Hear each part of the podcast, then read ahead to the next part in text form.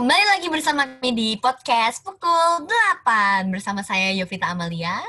Saya Ranisa. Aduh, gak kepikiran nama lucu lagi.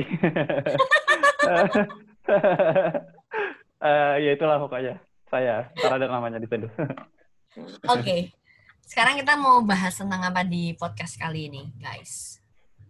Oke, ini pengantarnya aku ya. Jadi Oke, siap. Pengantar. jadi kita membawa eh, permasalahan dari media sosial. Salah satunya kemarin aku sempat terkena eh, bisa dibilang seksual harassment juga. Mungkin sebagian orang juga menganggap ah biasa aja. Tapi menurut aku nggak sopan karena Hmm. eh, dia mengatakan secara langsung di media sosial korporat bukan pribadi. Menurut aku itu lebih riskan apa ya mis- mispersepsi sama orang. Tuh, apakah yang salah dari caption eh, kontennya? Kontennya. Apakah mengundang atau emang emang ini emang wajar dia bilang mengatakan kayak gitu gitu. Biar bahan candaan Hmm. aja gitu. Tuh. Emang apaan Jadi isinya? aku bacain ya kontennya. Em, jadi kontennya itu tentang masker, penggunaan masker yang baik dan benar. Tapi dibuat secara lucu-lucuan seperti ada yang masker yang ada model yang berkumis, ada yang kayak kayak Gigi doang. Ya, kayak gini lah. Seperti ada yang masker masker skincare, ada yang masker kayak kumis, Supreme sama anak-anak gaul-gaul yang sekarang. Tuh. Oke. Terus eh, di salah satu caption itu aku kan biar mengajak anak muda ya. Jadi ada captionnya jangan biarkan ada celah di antara kamu dengan maskermu kan. Terus karena LDRan itu sulit dilakukan bikin kangen. Habis itu buka kurung ambiar gitu lah kan. Terus eh, secara nggak langsung beberapa menit atau paling 15 menit ya setelah post terus ada seorang laki-laki yang komen Min daripada LDRan yuk kita ke Taman Binaria gitu Oke. Oke, abis itu ke hotel gitulah pokoknya kalimat terakhir dia. Terus aku kayak awalnya hapus nggak ya, hapus nggak ya. Ternyata partner aku yang satu lagi yang hapus karena menurut dia, ih orang ini ngapain sih gitu. Tuh, menurut kalian Hmm. itu wajar nggak? Tapi menurut aku nggak wajar karena itu korporat. Tapi menurut aku kalau dia pribadi pun maksud aku ya kita TRG sama enggak ya udah biarin aja. Masalahnya nggak terlalu apa banget. Menurutku sih nggak wajar ya. Karena itu, tapi masih gini, itu nggak wajar. Tapi eh, balik lagi, semua orang bebas ber- berpendapat kan ya. Bebas menuliskan apa yang ia ingin tuliskan. Cuman kan ini jadinya jatuhnya ke akhlak nggak sih? Iya, dia nggak punya akhlak kayak gitu dia Hmm. nulis kayak gitu tuh nggak punya akhlak karena lo nulis di Instagram korporasi gitu loh bukan di Instagram pribadi Iya. which is uh, Instagram uh, korporasi kan dibaca oleh banyak orang ya maksudnya kepada Berarti kalau banyak nggak- orang Kalau Yang kalau nggak korporasi boleh dong yuk. oh bukan. Beda lagi. Maksudnya gitu loh. Oh. ini beda. Belum. Aku kan belum belum membahas sampai situ gitu Eh tapi aku Oh, tadi kan soalnya bilang itu kan korporasi.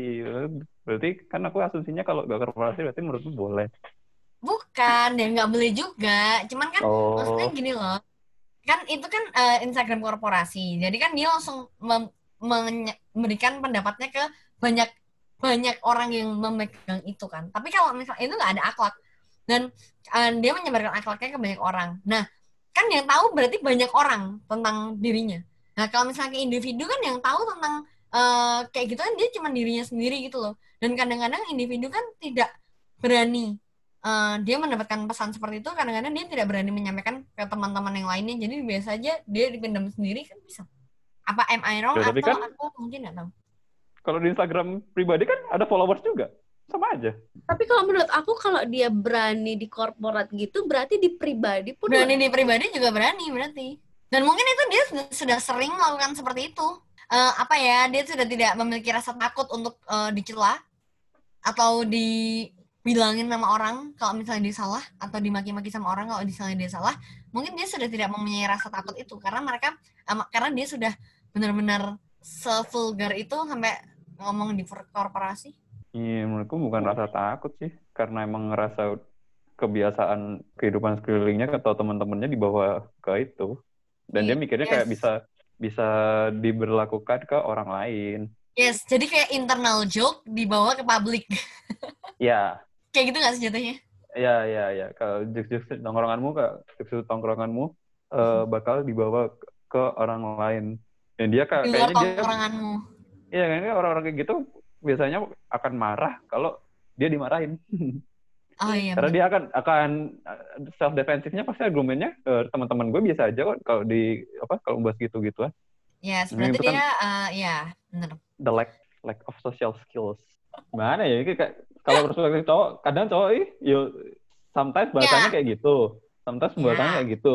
And eh, kadang kebiasaan kayak gitu kalau ada cewek pun kadang bahasanya masih kayak gitu selama masih satu circle, masih satu masih satu pertemanan gitu loh. Kita masih ngebahas gitu-gitu karena ada mutual understanding gitu loh. Iya, Oh paham, gue ini konteksnya apa, mereka paham gitu loh. iya, iya. Dan mereka juga mengerti kamu dengan misalnya mengerti saling mengerti nggak sih bahasan itu jadi kayak saling mengerti satu sama lain gitu nggak sih jokesnya Iya, jokes iya, iya. jokes seksual jokesnya itu juga sama-sama ngerti satu sama lain dan mereka paham dan saat itu dibawa keluar kan tidak semua orang bisa menerima hal-hal yang seperti itu Mm-mm. ya nggak sih Iya. jadi Dan- kayak Doang. cara berkomunikasinya dia atau cara dia menyampaikan sesuatu itu dia masih belum paham betul Iya, di mana dia eh, harus uh, meletakkan itu atau di mana dia harus berbicara seperti itu atau tidak berbicara seperti itu gimana ya? Aku kalau bilang nggak tahu ya, aku nggak tahu kata-kata yang pas selain kata wajar. Aku kayak kesannya menormalisasi itu. Tapi kayak emang emang kemampuan bersosialisasi orang-orang kita itu masih masih minim gitu loh. Emang pelajaran Yes. tentang bersosial kan sos- social skill kan nggak bisa dipelajarin secara eh, akademis gitu kan. Maksudnya kan kita lebih banyak di praktek kan mungkin yang lebih banyak pelajarin kan nilai-nilainya kalau Iya. di itu. Nah, menurutku eh, orang-orang kita tuh masih apa namanya social skills-nya masih kurang tapi udah dikasih social tools gitu loh. Aku Iya, dengar di materi dari materinya Panji apa materi komedinya Panji Pragiwaksono tuh orang-orang dia tuh bilang orang kita tuh nggak ada social skills tapi udah dikasih social tools.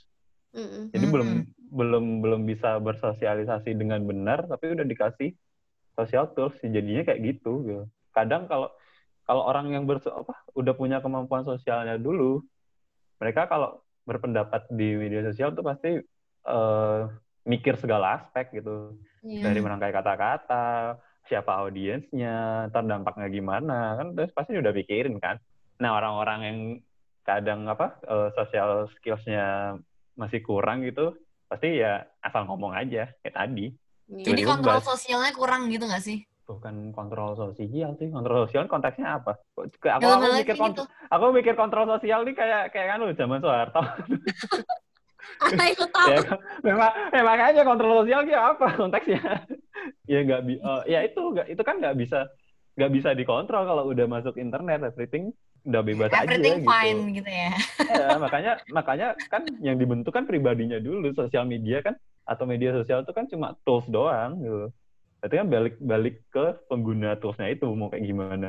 Kayak makanya menurutku eh, ketika orang-orang ya nggak tahu sih menurutku eh, kalau aku sih ngelihat ngelihat orang-orang yang memarahi atau kayak apa ya mengingatkan mengasih pelajaran atau mengedukasi lewat internet itu kadang juga apa namanya menurutku agak agak sia-sia juga sih kalau kalau nggak dilakukan secara langsung gitu loh Mm-mm. lebih baik kenapa kenapa tuh?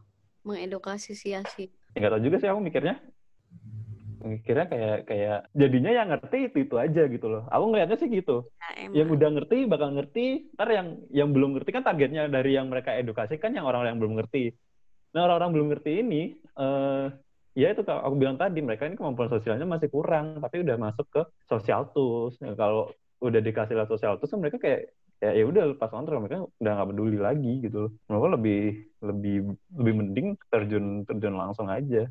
Ya emang emang harus dari dari dini sih dari anak-anak sih sebenarnya pemahaman itu harusnya dimasukin gimana kamu bersosialisasi segala macam gitu loh. Maksudnya kalau udah gede kan Wiki udah terbentuk gitu loh tentang Mhm. cara bersosialisasi. Maksudnya kan eh, kalian kan pasti tahu kan kayak orang-orang kenapa Wiki punya teman eh, misalnya teman-teman yang seusia kalian tuh kayak ada yang cara bersosialisasinya kayak gini misalnya kayak ada yang introvert ada yang extrovert.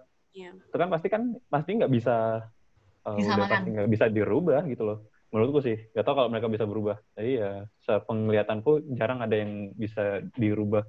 Pun kalau bisa dirubah harus pendekatan secara khusus. Yang maksudnya langsung gitu loh. Tidak bisa secara melalui media sosial saja. Hmm, gitu yo. Eh, tapi kalian pernah nggak lihat kasus-kasus lain? Kita nggak fokus ke cewek aja ya, ke cowok. Ada nggak? cowok. Ada sih, banyak. Kadang nih di? Twitter. Aku nemunya kadang di Twitter sih. Kadang tuh eh cewek-cewek, aku melihat kalau cewek-cewek di Twitter itu kalau eh, nggak suka kalau misalnya dia di melakukan kayak ada pelecehan seksual yang terjadi pada cewek-cewek, mereka langsung marah. Ih, kenapa cewek diginiin? Kenapa cewek diginiin? Nah, dengan berbagai macam alasan yang mereka berikan, tapi mereka tuh tidak sadar sebenarnya mereka juga melakukan sexual harassment kepada cowok. Ngerti gak sih kalau misalnya kayak eh, aku ngeliatnya banyaknya di artis-artis Korea atau artis-artis Indonesia. Itu tuh kayak misalnya yang ganteng-ganteng gitu. Apa ya mereka tuh lebih ya physically sih sebenarnya kayak ih kamu nggak kayak gini yang kayak waktu itu di Twitter pernah rame kok Oh, itu itu pokoknya yang rahim aku panas rahim aku panas abang-abang UGM itu nggak sih? aku gak tahu pokoknya yang setiap aku ngeliat eh, kamu tuh apa kayak rahim aku panas kayak gitu loh itu se menurut aku juga sebuah sexual harassment kepada cowok Sama aja nggak sih kalau cowok? sama Iya. aja sebenarnya jadi jangan Foto lu buat kalian para cewek-cewek jangan berpikir kalau kalian adalah makhluk-makhluk suka tertindas. Padahal kalian juga menindas cowok-cowok. Nah iya maksudnya kan kayak belum sampai ke apa eh, social skillnya masih kurang terus paham paham tentang sexual harassment-nya pun masih rendah ataupun rancu gitu loh. Mereka pikir Yes. sexual harassment bisa apa namanya cuma di cewek doang gitu loh korbannya. Padahal semua bener bisa bener bener. punya kesempatan yang sama. Pengendalian diri itu. bersosial medianya kurang. Jadi sebenarnya kayak mereka ingin mengekspresikan apa yang mereka rasakan atau mungkin kayak mengekspresikan itu mungkin tadi sebuah lelucon tadi ya sebuah itu mereka pengen mengekspresikan itu tetapi mereka tidak bisa mengendalikan itu dan mereka tidak tahu tempatnya. Jadi mengekspresikan tidak pada tempatnya. Jadi ya itu pengendalian diri bersosial medianya kurang sih menurutku. Oh, orang-orang yang melakukan sexual harassment tadi itu niatnya kayak ngelucu jatuhnya melecehkan Eh, tapi biar Kalau- kalau komentar itu dijawab serius sama ini sama yang di targetnya gimana? komentar itu dijawab serius sama si target Dibalas tapi serius, misalnya kayak rahimku panas, rahim yang sebelah mana? Biar saya periksa gitu. rahim yang sebelah mana ibu rahim cuma satu enggak lah rahim rahimku panas. Rahim bukan rahim yang sebelah mana. Yuk ke, ke USG siapa tahu ada apanya gitu kan. Rahim cuma satu loh. Gagal ya, gagal, gagal pengetahuan. gagal gagal gagal. Tetot. oh misalnya kayak di Tapi jatuhnya jadi malu nggak sih yang yang buat iyalah. tergantung tergantung. Itu semua tuh kembali lagi nggak sih? Eh, iya kayak itu nggak ya, pernah nggak pernah habis gitu loh. Itu tuh nggak ada nggak ada itunya nggak ada Nggak ada habisnya kayak gitu tuh. Nggak ada habisnya. Yes.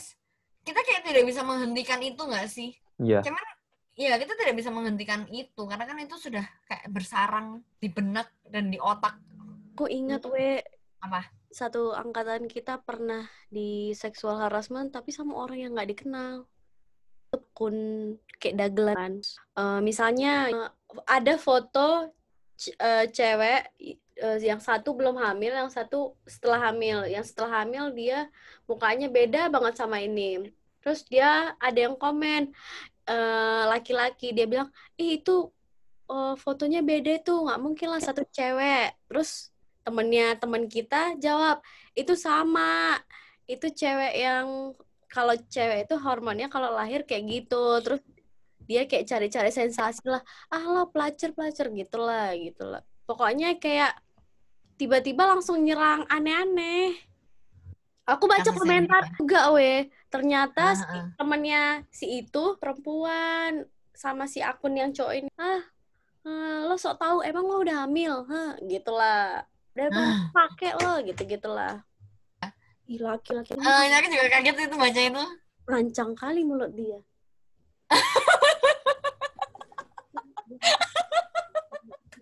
Lancang kali mulut dia. Woi. Nah, nah, aku kayaknya itu kayaknya disimpan deh sama.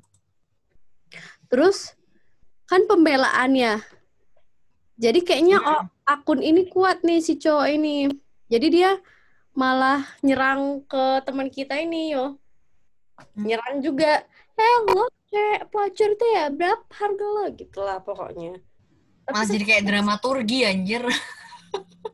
tapi sakit jiwanya kenapa harus melecehkan cewek gitu Ah, Oke. tuh tapi followers dia banyak sih mungkin karena dia sering top komen Jadi dia kayak spamming dengan komentar tidak pantas dan ada pelecehan visual gitu gak sih? Pelecehan verbal non fisik maksudku. iya iya dan visual. Ya kan? Iya pelecehan visual cuy. Tapi dia doxing nggak? Kayak semacam doxing itu kayak menyebarkan apa informasi atau informasinya tentang si cewek itu ke orang-orang lain tanpa izin gitu? Maksudnya ikut apa dia hanya di situ? dia pokok dia pokoknya mainnya aku nggak tahu ya kayaknya emang orangnya gila banget dia punya akunnya banyak jadi dia nge-tag akun-akun lain terus akun akun ini Oh, kita nge-head speech si cewek-cewek ini lah jadi pakai fake account. untuk menghajar kembali emang emang kayaknya emang dia Oke. mencari target untuk naikin engagementnya mungkin dari situ juga Mungkin dari situ ya. Jadi kayak eh, menaikkan konten itu dari eh, hal-hal pelecehan seksual tadi itu ya. Tapi nggak ada orang yang bela selain lingkupnya teman kita ini sama bab abang-abang ini aja yang fake accountnya. Nggak ada yang bela sama sekali. Tuh, jadi kayak apa ini wajar ya? Aneh juga ya. Mumet juga kalau Hmm. kayak gini. Nah iya kan emang ya kayak kebentuknya emang kayak gitu orang ya. Emang gimana? Iya sih. Ya nggak nggak nggak nggak nggak ada itunya. Nggak ada nggak ada habisnya. Sebenarnya prinsip-prinsipku itu ya ya orang-orang kayak gitu ya emang emang emang salah sosial di dunia nyata berkemungkinan terbentuknya kayak gitu. Bener bener bener. Jadi kayak Udah ya ya udah. eh, jadi susah juga sih kalau ngomongin kayak gini. Dia sudah dibentuk atau terbentuk di suatu kelompok yang seperti itu Mm-mm. atau mungkin juga karena keluarga Iya, iya. apa dia juga jangan-jangan dia adalah eh, korban pelecehan seksual yang tidak terima makanya dia Hmm. melecehkan orang lain Mm-mm. Ya kan banyak kemungkinannya. itu kemungkinan banyak jadi we never know Iya. tapi ya kita kayak jadi eh, jatuhnya jadi antisipasi nggak sih dari semua konten yang kita apa ya kita upload Mm-mm. di media sosial itu kita kayak jadi berantisipasi nggak sih ini mengundang mengundang itu nggak mengundang sexual harassment tadi itu nggak Iya, iya. Ini- Bahkan soalnya sexual harassment itu kadang-kadang juga tidak mengenal terbuka atau tertutup ya. ya di media sosial kan ya weh gampang. Mm-mm. Media sosial kan gampang. Media sosialmu kamu adalah Tuhan. Kamu bisa ngeblok, kamu bisa report. Ya, ya sebenarnya jatuhnya gitu sih. You are a god in your own media sosial. Hanya pegang kok aku ngeliat kayak gitu ya prinsipnya kayak gitu aja. Nah, Prinsip kalau kadang-kadang kalau misalnya kita kamu terima, ngelawan, jadi bumerang cuy. iya maksudnya kamu terima kalau orang-orang kayak gitu ada gitu loh. Hmm. Di media sosial ya, aku ngomong di media sosial ya. Maksudnya kalau kalian eh, di dunia nyata pengen ngelawan ya masih boleh lah gitu loh. Masih impact-nya masih ada lah. Maksudnya kan kalau ketemuan orang langsung kan sanksi sosial masih berlaku gitu loh. Ya, bisa. Ya, kalau itu nah kalau kalau media sosial ya kamu terima aja kalau orang-orang kayak gitu ada Ya, soalnya kadang-kadang orang yang eh, misalnya dia pakai akun A gitu ya, dan dia melecehkan akun eh, di akun kita misalnya gitu. Tapi akun A kita tidak tahu dia itu fotonya bener atau enggak, orang itu beneran dia atau bukan itu kita tidak pernah tahu kan. Ya Iya. anggap aja kayak di media sosial adalah dunia fantasi. Anjay. Iya bener toh, kita bebas berfantasi di dunia sosial, di dunia media sosial, sorry. Dan kalau misalnya pun ada uh, sexual harassment seperti tadi, kita boleh, misalnya kita boleh melawan, boleh, tapi kita juga harus bijak. Lebih bijak kayak, ya udahlah, lu ngeblok aja, atau lu uh, report aja nih akun. Daripada kamu semakin kayak emosi tersulut, malah jadi bumerang sendiri gitu loh untuk kamu. Iya, iya. Karena kadang-kadang di media sosial seperti itu jadi kayak ada head adanya head speech terus adanya ya seperti seperti itu itu kan juga karena uh, apa yang kita lakukan apa yang kita balas ke mereka itu jadi seperti itu jadi kayak cuman bolak balik doang gitu lempar-lemparan di situ selesai tapi kadang-kadang orang yang kayak gitu mak makin dibalas oh mantap nih mantap yuk panjat panjat sosial panjat terus kayak gini drama apa lagi yang akan kalian bangun nak Jadi kita yang harus bijak gitu loh. Tapi tidak semua orang bisa berpikir seperti itu. Harus evaluasi dari diri sendiri nih dulu. Tapi tidak semua orang bisa mengevaluasi dirinya sendiri. Karena menilai dia paling benar. Iya kan? Iya. Tapi kadang-kadang ada orang yang sampai stres loh digituin. Ya, karena mereka tidak bisa menahan, belum bisa menahan apa yang uh, mereka terima dari media sosial. Tuh siap siap soalnya kan banyak sekarang artis-artis di seperti in, seperti kayak gitu ya mereka stres karena mereka kayak uh, kayak merasa mereka tidak uh, apa ya tidak memenuhi ekspektasi atau out of expectation ya out, hmm. out of expectation dari uh, publik. Dan akhirnya banyak cacian cercaan yang datang ke dia. Tapi kan harusnya kayak gitu dia sadar ini media sosial. Jadi nggak semua orang harus kita kayak kita nggak harus semua orang suka sama kita atau gimana? Ini media sosial cuy. Iya ini iya. adalah ruang ekspresi. Kita bebas mengekspresikan semuanya. Cuman ya tadi tuh kadang-kadang bergantung akhlak aja sih oke jadi menurut kalian nih pelaku-pelaku yang so sexual harassment baiknya ditindak seperti apa maksudnya tindak dari secara internal atau eksternal misalnya adalah mungkin kalau eksternal yaudah aku bakal uh, calling polisi atau ngasih kalau, ini ke jalur hukum itu eksternal. Ya, eksternal aku akan meladeni dia gitu. Iya, kalau internal aku akan meladeni dia. Oke, okay. Aku akan uh, jadiin ini engagementku nih untuk menaikkan sesuatu yang aku punya. Bisa, itu internal cuy. Oke, okay, oke. Okay. Tapi kalau misalnya eksternal, lu bawa ke jalur hukum misalnya. Iya, iya. Pakai UU ITE. Misal aku hal-hal yang seperti itu kayaknya polisi nggak terlalu apa ya menurut aku nggak terlalu urgent nggak sih tergantung Ah, ya tergantung kamu laporinnya pakai apa? Tergantung nih. Kamu ngelaporinnya pakai masalah apa? Yes. apa? Jadi pakai apa? Permasalahannya itu apa misalnya? Jadi itu ya tergantung uh, ini dari personal orang-orangnya. Karena kalau misalnya itu dari aku, kalau dari aku mendingan aku tidak apa ya? engage in the harassment.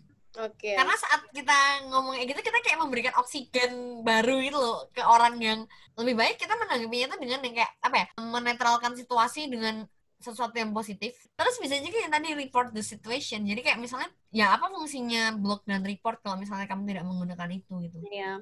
Jadi saat kamu itu kalau misalnya kamu tidak mau menanggapi itu dengan omongan, dia ya udah langsung aja dengan tindakan blog dan report di masing-masing sosial media pasti sudah akan sudah ada fungsi itu. Oh, dari aku sih gitu ya. Kalau dari Yudit gimana? Satu, ya terima aja kalau orang-orang ya kayak tadi aku bilang sih sama aja maksudnya. Terima aja kalau ada orang-orang kayak gitu di internet dan akan terus banyak dan akan ada entah sampai kapan itu pasti bakalan ada gitu loh nah itu balik yes. dan akhirnya pada akhirnya balik balik lagi ke kitanya kalian mau gimana gitu loh mau diladenin boleh, mau di dibiarin juga boleh gitu loh. Kalaupun yeah. kalian mau mau apa uh, dijadikan itu sebagai edukasi mungkin, ya jangan jangan terlalu berharap kalau targetmu itu akan berubah gitu loh. Mm. At least at least ya kamu jadikan itu sebagai contoh yang tidak benar. Jangan Udah, gitu aja. Ya prinsipnya kalau kalau gue sih emang emang cek aja di medsos karena orang-orang bego tuh banyak. Iya. Talau. Karena media sosial itu tidak real. Tapi apa ya? Tapi kalau seksual Bisa. harassment itu di luar seks- eh, di luar media sosial, aku akan ini sih bertindak sih. Kalau itu Itu kan masih di beda- media sosial itu masih bisa. Tapi kalau misalnya itu Beda di luar konteks. media sosial di dunia nyata, itu akan bertindak. Karena kalau di media sosial kan orang-orangnya tidak terlihat dan di- dia itu orang itu beneran atau bukan kan kita tidak tahu kan. Jadi ya, Iya. ya sudah report, block, bye. Iya Atau kan? aku pernah em, baca saran dari Marisa Anita. Nah ini bilang kalau lo pengen escape dari kehidupan media sosial ya udah puasa media sosial aja puasa. Bisa juga kayak gitu. Ya kan? Jadi buang yang hal-hal yang nggak perlu, yang sebenarnya yang sebelumnya kita kan sebelumnya kita nggak ada sosial media baik-baik aja. Mungkin obrolannya ini cukup seru sih obrolan kayak gini. Oke, jadi cukup Cukup sekian di obrolan Cukup kita. Cukup eh, berbagi perspektifnya cukup sampai di sini. Mungkin nggak cukup sampai di sini sih. Kita akan bertemu di podcast-podcast berikutnya dengan tema-tema yang menarik tentunya dan berbagai macam perspektif yang akan datang dari kami bertiga lagi. Ya kan? Dan apa Yudit? Semoga Yang menarik. katamu Dan apa? yang mendengarkan ini adalah Oh yang mendengar oh yang mendengarkan ini adalah orang-orang yang sangat sensitif dengan eh, isu-isu seksual harassment. Sangat perhatian dengan seksual harassment untuk tema kali ini. dan pengangguran. Iya. Jadi ini maksudnya jangan terlalu dimasukin hati ya perspektifnya kita ini. Karena ini berdasarkan based on our perspective. Jadi kalau misalnya orang-orang yang mendengarkan ini tidak sesuai dengan ya silahkan dikip atau ya dikip atau kita bisa membangun diskusi bersama. Jadi Ya, apa ya atau jangan di- terlalu sensitif, jangan terlalu diambil hati Atau obrolan di kita. report aja podcast ini. Oke, kita akan That's bertemu right. lagi mungkin minggu depan atau dua minggu lagi dengan topik yang lebih menarik dari ini. Nanti kan kita di podcast pukul 8.